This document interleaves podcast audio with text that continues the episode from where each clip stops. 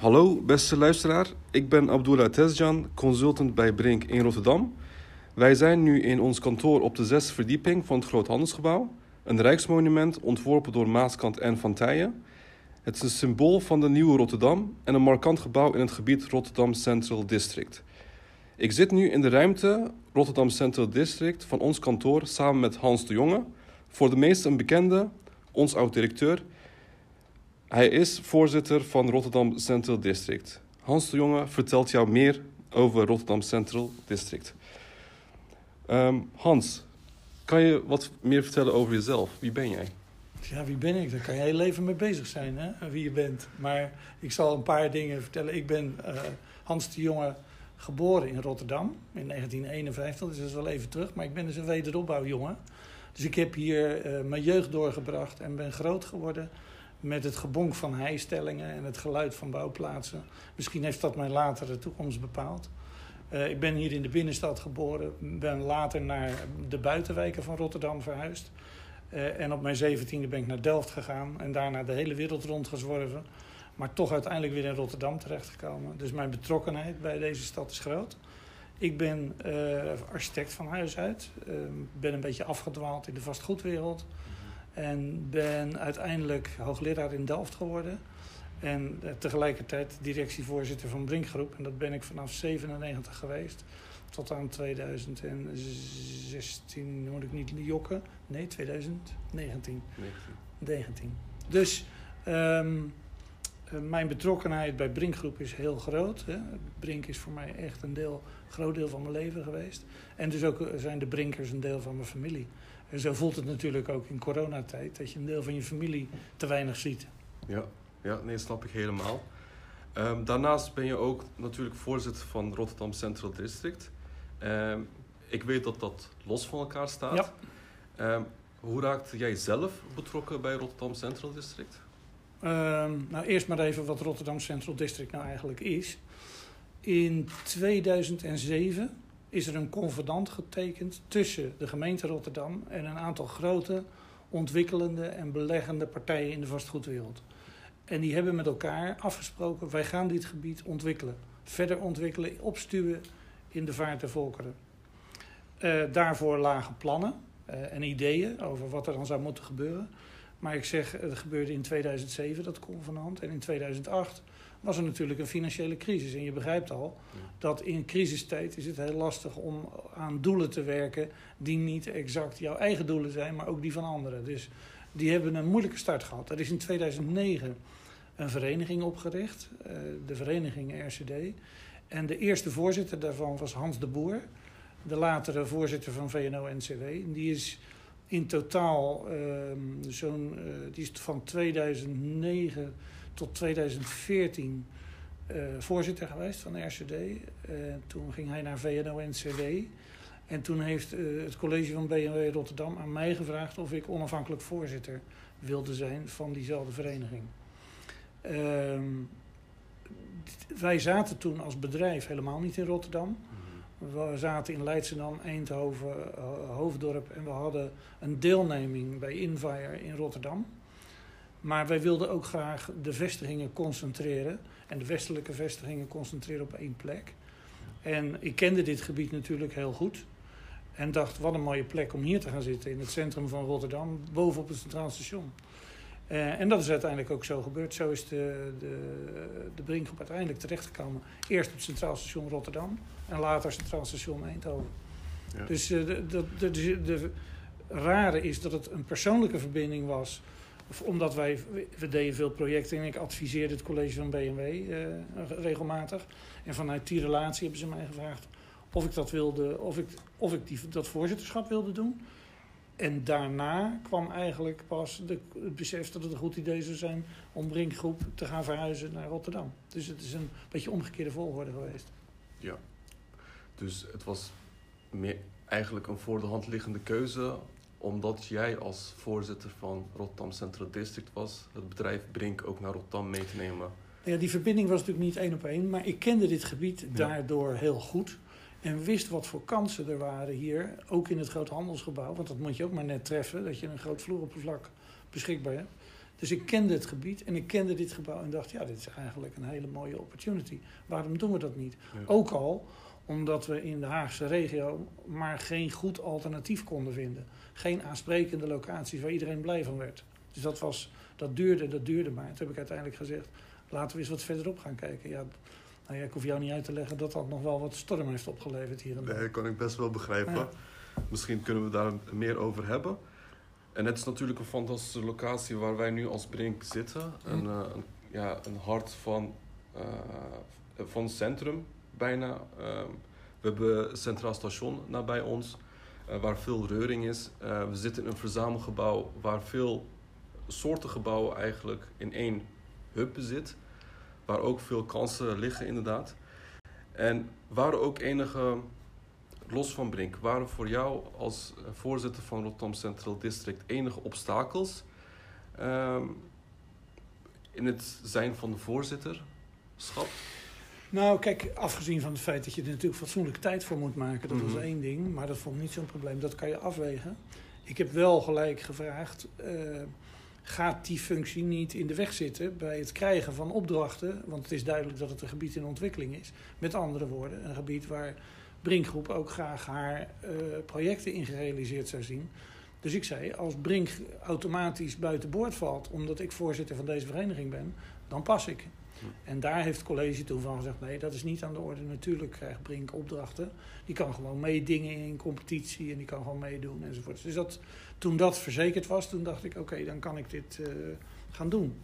Ehm, kijk, het is een lastig gebied, want er zijn heel veel verschillende belangen. Dus hier hebben we het typisch over gebiedsontwikkeling. Eh, dat wil zeggen, heel veel verschillende belangen van grote eigenaren, grote beleggers, maar ook heel veel kleine bedrijven. Dus wat er gebeurd is in de financiële crisis, is het eh, oostelijk deel van het gebied eigenlijk leeg komen te staan. Dat was van LSI. En de bedoeling was dat daar grote herontwikkeling plaats zou vinden. Door de crisis gebeurde dat niet. Ja, helemaal aan de andere kant.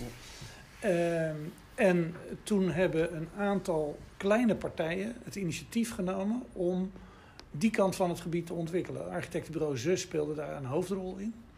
Met Christian Koorman als belangrijke, eh, belangrijke actor. En die hebben aan LSI gevraagd, mogen wij dit tijdelijk gebruiken?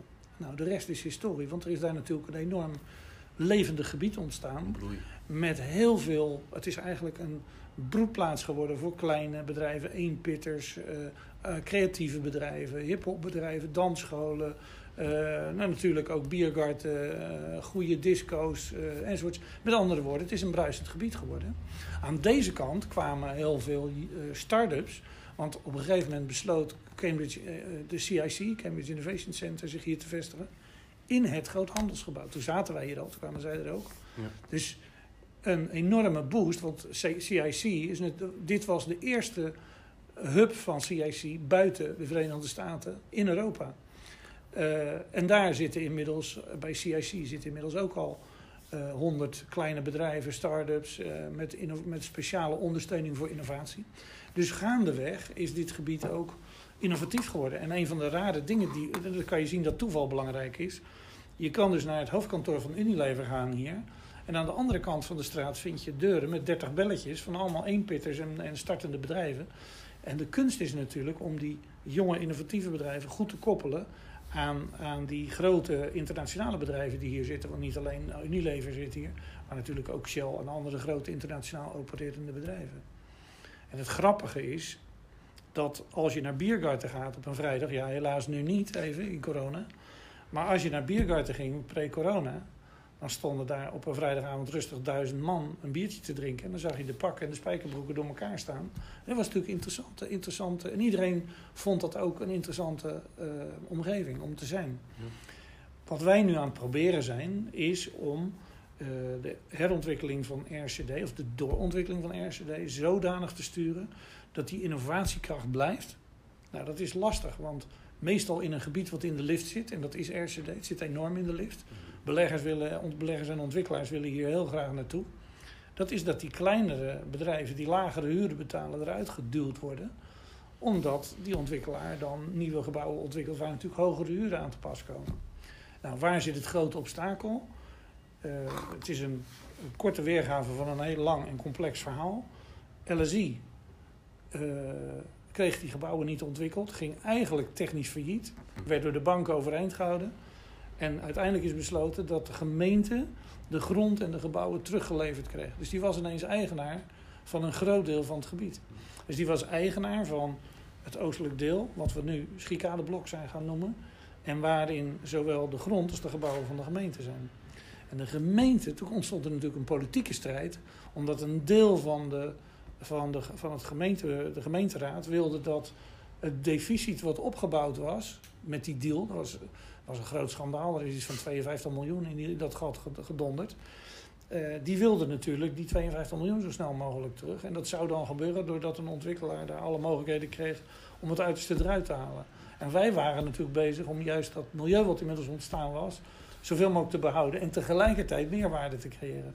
Dus het plan wat er nu ligt, dat is een plan waarbij opnieuw herontwikkeld, doorontwikkeld, maar ook gerestaureerd wordt. Waarbij de bedrijven die er zitten zoveel mogelijk op hun plek gehouden worden. Waarbij de gemeente eigenaar blijft van een reeks panden met lagere huren. En zo proberen we een gulden middenweg te bewandelen.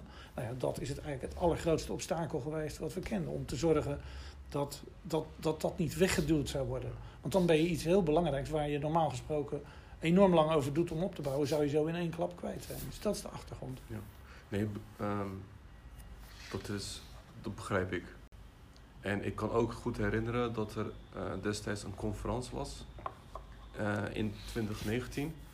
Toen kwam er ook uh, iemand uit Amerika. Ik Blue Cats. Ja, Cats inderdaad. En die vertelde ook van, joh, er is al iets ontstaan als schierkadeblok. die, de community die daar nu zit, dat willen jullie graag behouden. Zo'n community die groeit niet in één keer. Maar dat is echt jaren van ontwikkeling. En het is juist kunst, inderdaad, wat jij zegt, om dat te behouden met al de belangen die er allemaal zijn op het grondgebied. Nu zijn er ook allemaal plannen om een aantal groenstukken uh, de hoogte in te krijgen. Met torens, na, na, uh, naast het Centraal Station bijvoorbeeld. En uh, ook plan van Schierkadeblok, hè, dat er een optopping plaatsvindt, maar dat er ook iets gebeurt op die parkeerplek. Wat ligt er nou eigenlijk in de toekomst aan ontwikkelingen voor Rotterdam Central District? Er zijn um, een paar dingen. Er zijn vier grote ontwikkellocaties. En er zijn uh, een aantal aspecten die met het hele gebied te maken hebben. Die vier ontwikkellocaties zijn in volgorde in de tijd. Eerst de Modernist. Dat is hier uh, de Maarse groep. Die heeft hier een ontwikkeling naast First. Komt een ontwikkeling dat die laagbouw langs het Kruisplein. Die wordt gesloopt en daar komt een hoogbouw voor terug, voornamelijk woningbouw. Dat is waar nu naast Premier Suites, uh, dus daarvoor komt een uh, hele strook. Daar is het bestemmingsplan was al goedgekeurd en daar is de omgevingsvergunning. Daar ligt nu nog een bezwaar, maar dat is het eerste wat aan snee komt. Ontwerp van MVRDV en dat komt als eerste nu aan bod. En de verwachting is dat daar toch in. Wij verwachten dat er in 21 al een begin gemaakt wordt met de bouw. Dat is het eerste wat je zult zien. Een belangrijke ontwikkeling aan de Kruispleinkant. De tweede, die, uh, tweede ontwikkellocatie is naast het station hier, uh, tussen het herontwikkelde stationsboskantoor en het station in. Daar is een ontwerp gewonnen door uh, Provast. een ontwerp waar onder andere zus bij betrokken is, maar ook een Londens architectenbureau. En daar moet een hoge toren komen, 140 meter, die voornamelijk uit hout bestaat. En waar de onderkant, want wij mogen in verband met de spoorlijn hier aan de onderkant niet wonen aan de onderkant kantoorruimte en winkelruimte zitten en publieksruimte. En bovenin meer appartementen.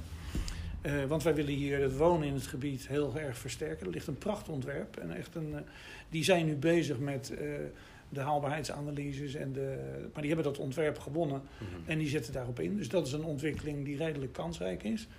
Dan is de derde ontwikkellocatie het Schikadeblok. Nou, daar waren we heel ver. Maar daar, is, heeft de ontwikkelaar zich op het laatste moment teruggetrokken omdat hij het niet eens kon worden over een aantal punten, waaronder de bebouwing van de spoorstrook. Daar hebben zich inmiddels alweer andere partijen gemeld die graag in dat gat stappen. Dus daar verwacht ik eigenlijk in 21 nog een uitspraak over wat de ontwikkeling gaat worden. Dat wordt dan een ontwikkelingsmodel met of zonder spoorstrookontwikkeling, want daar zit een beetje het venijn.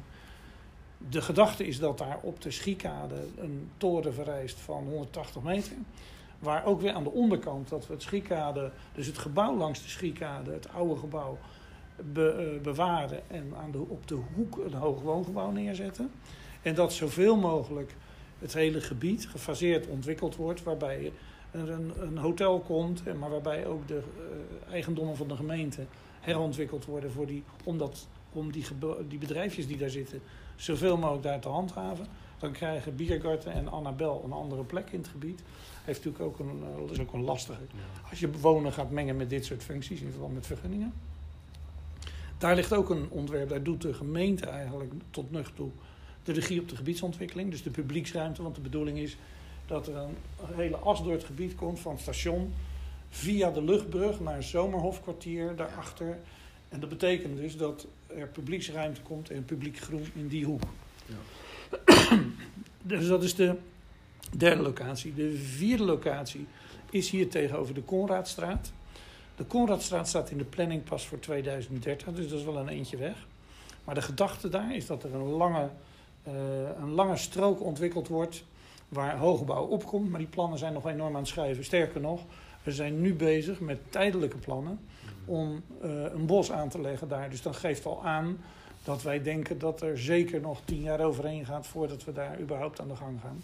En waarom willen we dat bos? Nou, dat is dan de opstap naar die verschillende eh, ingrepen op gebiedsniveau. We zijn bezig met klimaatadaptiviteit. En eh, dat betekent ook vergroening, hittestress tegengaan, water vasthouden, energietransitie, die, die vraagstukken. Tweede is mobiliteitsaanpak. Dat is de versmalling van het wenen, het weghalen van de auto's, het omkatten van de parkeergarages, van auto's naar elektrische deelscooters, eh, nou, noem maar op. Dus dat is een heel traject wat, daar, eh, wat daarin moet gebeuren. Eh, dus eh, die klimaatneutraliteit en die mobiliteit zijn heel belangrijk. En het derde is misschien nog wel belangrijker. Dat is wat wij eh, city, eh, city eh, eye level zijn gaan noemen. Dat is eigenlijk het hele plintengebied. Dus wij zeggen, er is op plintenniveau veel meer mogelijk. Nou, om maar gelijk met de deur in huis te vallen.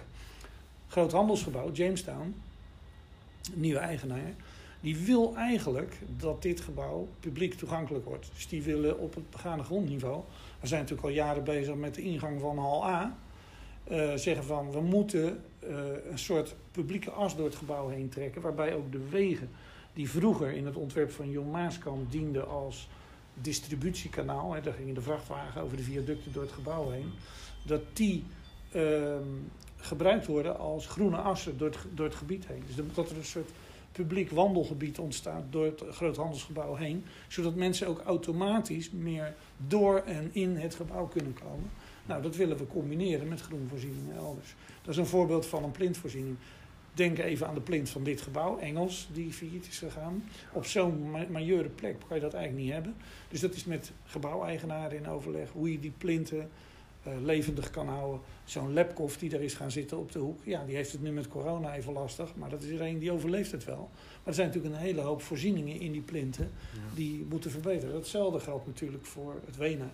Wat in principe, met name de noordzijde van het Wena, natuurlijk een doodse boel is. Als je kijkt naar de plinten bij Unilever. En eh, ja, dat gaat natuurlijk nergens over. Dus er is, dat is het derde thema waar we aan werken. Dus je hebt vier grote ontwikkellocaties. Drie grote thema's waar we aan werken. En dan zijn er nog een paar projecten die eigenlijk buiten de RCD vallen, maar van grote invloed op het gebied. Dat is RISE. Dat is een groot hoogbouwproject op de kop van het Hofplein. Ja. Eh, tegen de Koolsingel, op de kruising van Koolsingel en Pompenburg. Daar komt een ontwikkeling die, waar een hoogbouw van 200 meter moet komen. Het Hofplein is een van de zeven grote stadsprojecten. Het Ja. Hofplein wordt herontworpen en daar ligt een ontwerp voor. Daar is men op dit moment bezig met de consultatie en de gesprekken met de bevolking om het Hofplein. Nou, het Hofplein is natuurlijk wel degelijk onderdeel van de RCD, plus de aansluiting op het Wena. En het laatste is het Schouwburgplein, wat ook een van de zeven is. Dus twee van de zeven projecten liggen eigenlijk in dit gebied. Het Schouwburgplein gaat ook beetgepakt worden. Ja. Dus als je hier over eh, een jaar of tien komt, dan is hier onherkenbaar veel veranderd. En dat betekent ook automatisch enorme ingrepen in de fysieke omgeving. En daar zie je natuurlijk ook weer het raakvlak met het werk van Brink. Omdat al die onderwerpen waar ik het over heb, zijn ook onderwerpen die strategisch van belang zijn voor Brink. Ja. Dat gaat over natuurlijk de gebiedsontwikkeling en de geïntegreerde aanpak van een aantal zaken. En de mobiliteitsaanpak en de klimaatneutraliteit en al dat soort dingen is precies in de agenda van Brink. Dus je zou kunnen zeggen, Brink woont ongeveer in het midden van zijn eigen pilot. Ja. Maar goed, de zaak is natuurlijk dat Brink dan ook zich meldt als partij van eh, hier willen we wel eh, wat aan, aan bijdragen. Bijvoorbeeld Arcadis is hier naar dit gebied toegekomen. OMA is naar dit gebied toegekomen, die zijn hier ook gehuisvest. Procter Gamble. Ja. Eh, dus, en dit soort partijen zeggen, nou, wij willen wel even meedenken over wat hier met dit gebied moet. Dus mijn oproep aan Brink is ook gewoon, kom op, let's go. Ja, aansluitend daaraan, eh, allemaal interessante onderwerpen. We kunnen daar echt uren over praten. Mhm. Eh, ook een van mijn fascinatiegebieden. Ja, ook over de beleving van de stad inderdaad. Hè, op oogniveau, city eye. Zo ook de expeditiestraten bijvoorbeeld, dat Ja. het echt zo karig is. Ja. Wat, wat echt een goede omgeving kan zijn voor de maatschappij. Zeker. Eh, maar aansluitend op de opmerking van jou dat Brink daar echt kansen moet gaan benutten, is eh, mijn laatste vraag.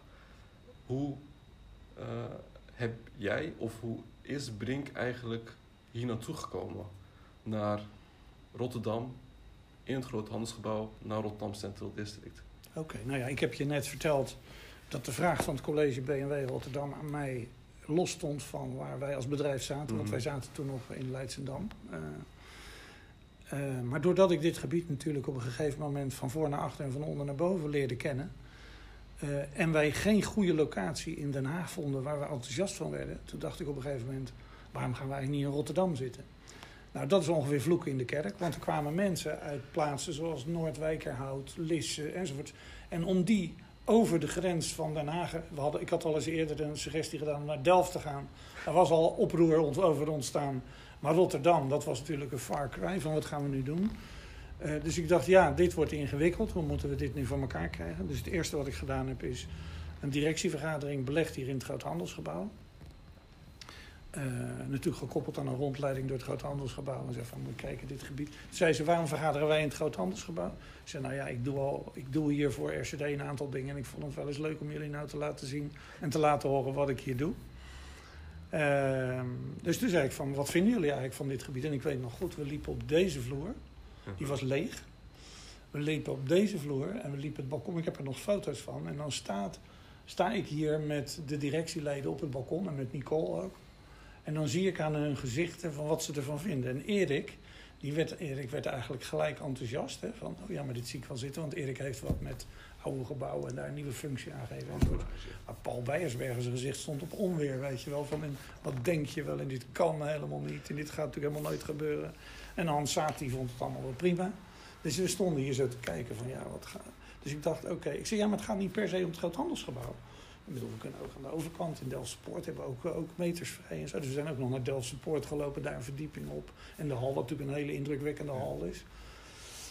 Ja, ja, ja, toch wel een interessant gebied, toch wel een interessant gebied. Nou, dat was de eerste klap. En toen die klap gemaakt was, toen heb ik een keer alle MT-leden, alle MT's van de bedrijven uitgenodigd in het Marriott Hotel.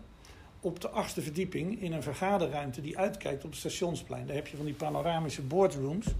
En die had ik uitgenodigd om daar dan eh, een eh, MT-meeting te hebben. En die eh, zei ook van, ja, maar waarom vergaderen wij hier? Ja. Ik zei, ja, ik, ik doe RCD hier en ik wil jullie gewoon eens wat laten zien. Dus aan het eind van de vergadering zei ik, nou dan nog even over RCD. En toen zei ik, wat vinden jullie eigenlijk van dit gebied? Nou, ik had al lang gezien, toen ze binnenkwamen, stonden ze met een biertje daarvoor te gaan. Wow, en wat is dit? Want dan heb je echt het idee, ja, waar heb je dat in Nederland? Zo'n soort gebied. Dus die waren al helemaal enthousiast. Toen zei ik aan het eind, wat zouden jullie ervan vinden als wij eh, hier gingen zitten? En toen zei ze, wauw, nou ja, maar waar dan? En toen wees ik naar het groot handelsgebouw. Ik zei, daar. Toen viel het, eh, viel het stil. Weet je. Dat was echt zo van, wat gaan we nou krijgen? En toen zei ze, ja, ja, ja. Wel een fantastisch idee, Hans. Maar dat moet je dan gelijk aan de medewerkers vertellen. Want wat was in begin januari? En we hadden de nieuwjaarsbijeenkomst. eh, zat er net aan te komen, weet je wel. Dan moet je het wel vertel, daar vertellen. Ik dacht, mijn hemel. Dat kunnen kan ik niet doen. Want als ik dat aan de medewerkers vertel, is het een feit. En de onderhandelingen met groot handelsgebouw moeten nog gebeuren. En ik weet nog goed dat ik toen op nieuwjaarsdag vertelde... eh, wij gaan naar Rotterdam. Wij zijn aan het onderzoeken om naar Rotterdam te gaan. Naar het groot handelsgebouw. Maar dus iedereen zijn telefoon uit zijn zak. Ho, ho, ho, ho. Even niet twitteren, niet, niks op social media. Even niet. Niet nu, want we zijn in onderhandeling enzovoort. Nou, om een lang verhaal kort te maken, toen, hebben we, toen zijn de onderhandelingen begonnen. Toen hebben we nog andere plekken in het gebouw aangeboden gekregen, want dit ging dan ineens weer niet. En Mhm. nou, toen hebben we zelfs op de situatie gehad waar we in twee verdiepingen zaten met een vide. Ik Ik dacht, ja, maar dat wil ik helemaal niet. En uiteindelijk, gelukkig, lukte die ook niet. En toen iedereen gefrustreerd en ik inwendig. Yes, en toen kwamen we dus hier terecht. Want ik wilde per se hier, aan de stationspleinkant, met die balkons, dat je naar buiten kan lopen, dat alles opengezet kan worden. Ik denk, ja, dit is een enorme boost voor, voor Brinkgroep. Nou, de, de rest is historie. En toen is in een no, echt in no time, is er fantastisch werk geleverd door de mensen van AZ. En die hebben, het projectteam heeft fantastische dingen gedaan. En toen is hier Rotterdam gekomen. En toen hebben we later de uitbreiding, toen het Braziliaans consulaat wegging, toen hebben we de uitbreiding er ook nog bij genomen. Wat natuurlijk ook weer een gok was, van doen we daar goed aan. Nou ja, en toen we hier op het station zaten, begonnen ze in Eindhoven natuurlijk te piepen van waarom wij niet. En toen, nou, dus de rest is allemaal historie. Ja. Zo zijn wij in Rotterdam gekomen. Dus, dus, dus het is wel een leuk verhaal. Ja. Nou, ik vond het ontzettend achteraf. Denk, oh, maar als het allemaal gelukt is, kan je er met veel plezier op terugkijken. Maar je, je houdt wel je vingers gekruist van gaat dit wel goed. Ja. Want je moet als directie wel besluiten om een grote investering te doen. Dus vergis je niet. Je moet allerlei verplaatsings- vergoedingsregelingen, overgangsregelingen. Je gaat mensen verliezen. Je weet niet hoeveel mensen je gaat verliezen. Dus het zijn wel heftige beslissingen hoor.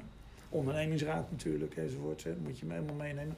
Nou, dat was niet zo moeilijk, want de ondernemingsraad hadden wij altijd heel goed geïnformeerd over van alles en nog wat. Dus die had meegedacht. Mhm. Die vonden het in grote lijnen een prima idee.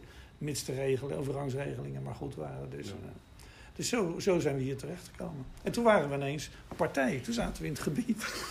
ja, dus dat was wel grappig. Ja, superleuk. Ja, dat is een heel Ja, leuk ik ben verhaal. ook zeer blij dat ik eh, hier kan werken, mag werken Ja. in Brink. Maar dat het ook vooral gevestigd is in Rotterdam. Ja. Want het is echt een, eh, een heel mooi gebied.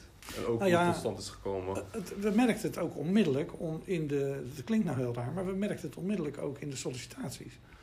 Omdat, ja, als je eh, jong bent en je hebt niet onmiddellijk een auto of wat dan ook. en je bent op zoek naar een eh, inspirerende plek waar je mensen ontmoet. en waar je makkelijk even boodschappen doet voordat je weer eh, naar huis gaat of wat dan ook. Dus het zitten op zo'n knooppunt van openbaar vervoer met alle voorzieningen is natuurlijk fantastisch. Ja. En ik ben eh, toen, toen eh, ik weet nog goed, want we gingen 1 oktober eh, 2016 hier het gebouw in. En toen werd ik echt, eh, je wordt dan helemaal blij van je omgeving. Terwijl tot die tijd was ik alleen maar chagrijnig over Leidschendam. Er werden ook grapjes over gemaakt, want Erik en Paul, die maakten gewoon periodiek grappen van... eh, nou Hans, gewoon een likje verder, van dan kan het wel weer een paar jaar, weet je wel. En ik vond het verschrikkelijk daar. Ik vond het zo'n vreselijke plek. Ja. Nou, Dus wij, ik wou- in ieder geval, ik kan volgens mij wel voor de medewerkers in Rotterdam wel vertellen dat we blij zijn voor onze vestiging hier in Rotterdam.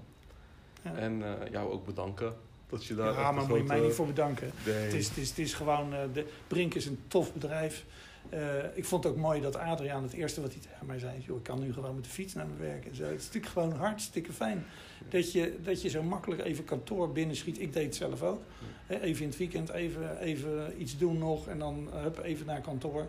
Het is, ja, en, en, maar met name als het hier bruiste, weet je wel. Die teams die hier zaten en dan in de...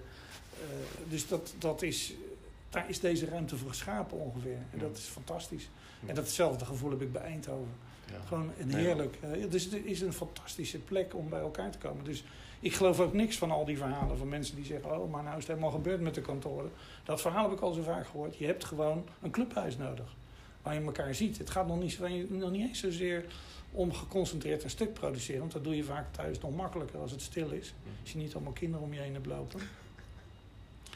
Maar het is elkaar, elkaar spreken. En elkaar- Kijk, dat toevallige ontmoeten, dat gewoon even bij de koffiemachine, oh, ik zie je nu, by the way, dit en dat en dat, dat is zo belangrijk. Mm. Het vergaderen wordt functioneel, hè, als je digitaal vergadert. Nou, die overgang was voor Brink natuurlijk helemaal niet moeilijk.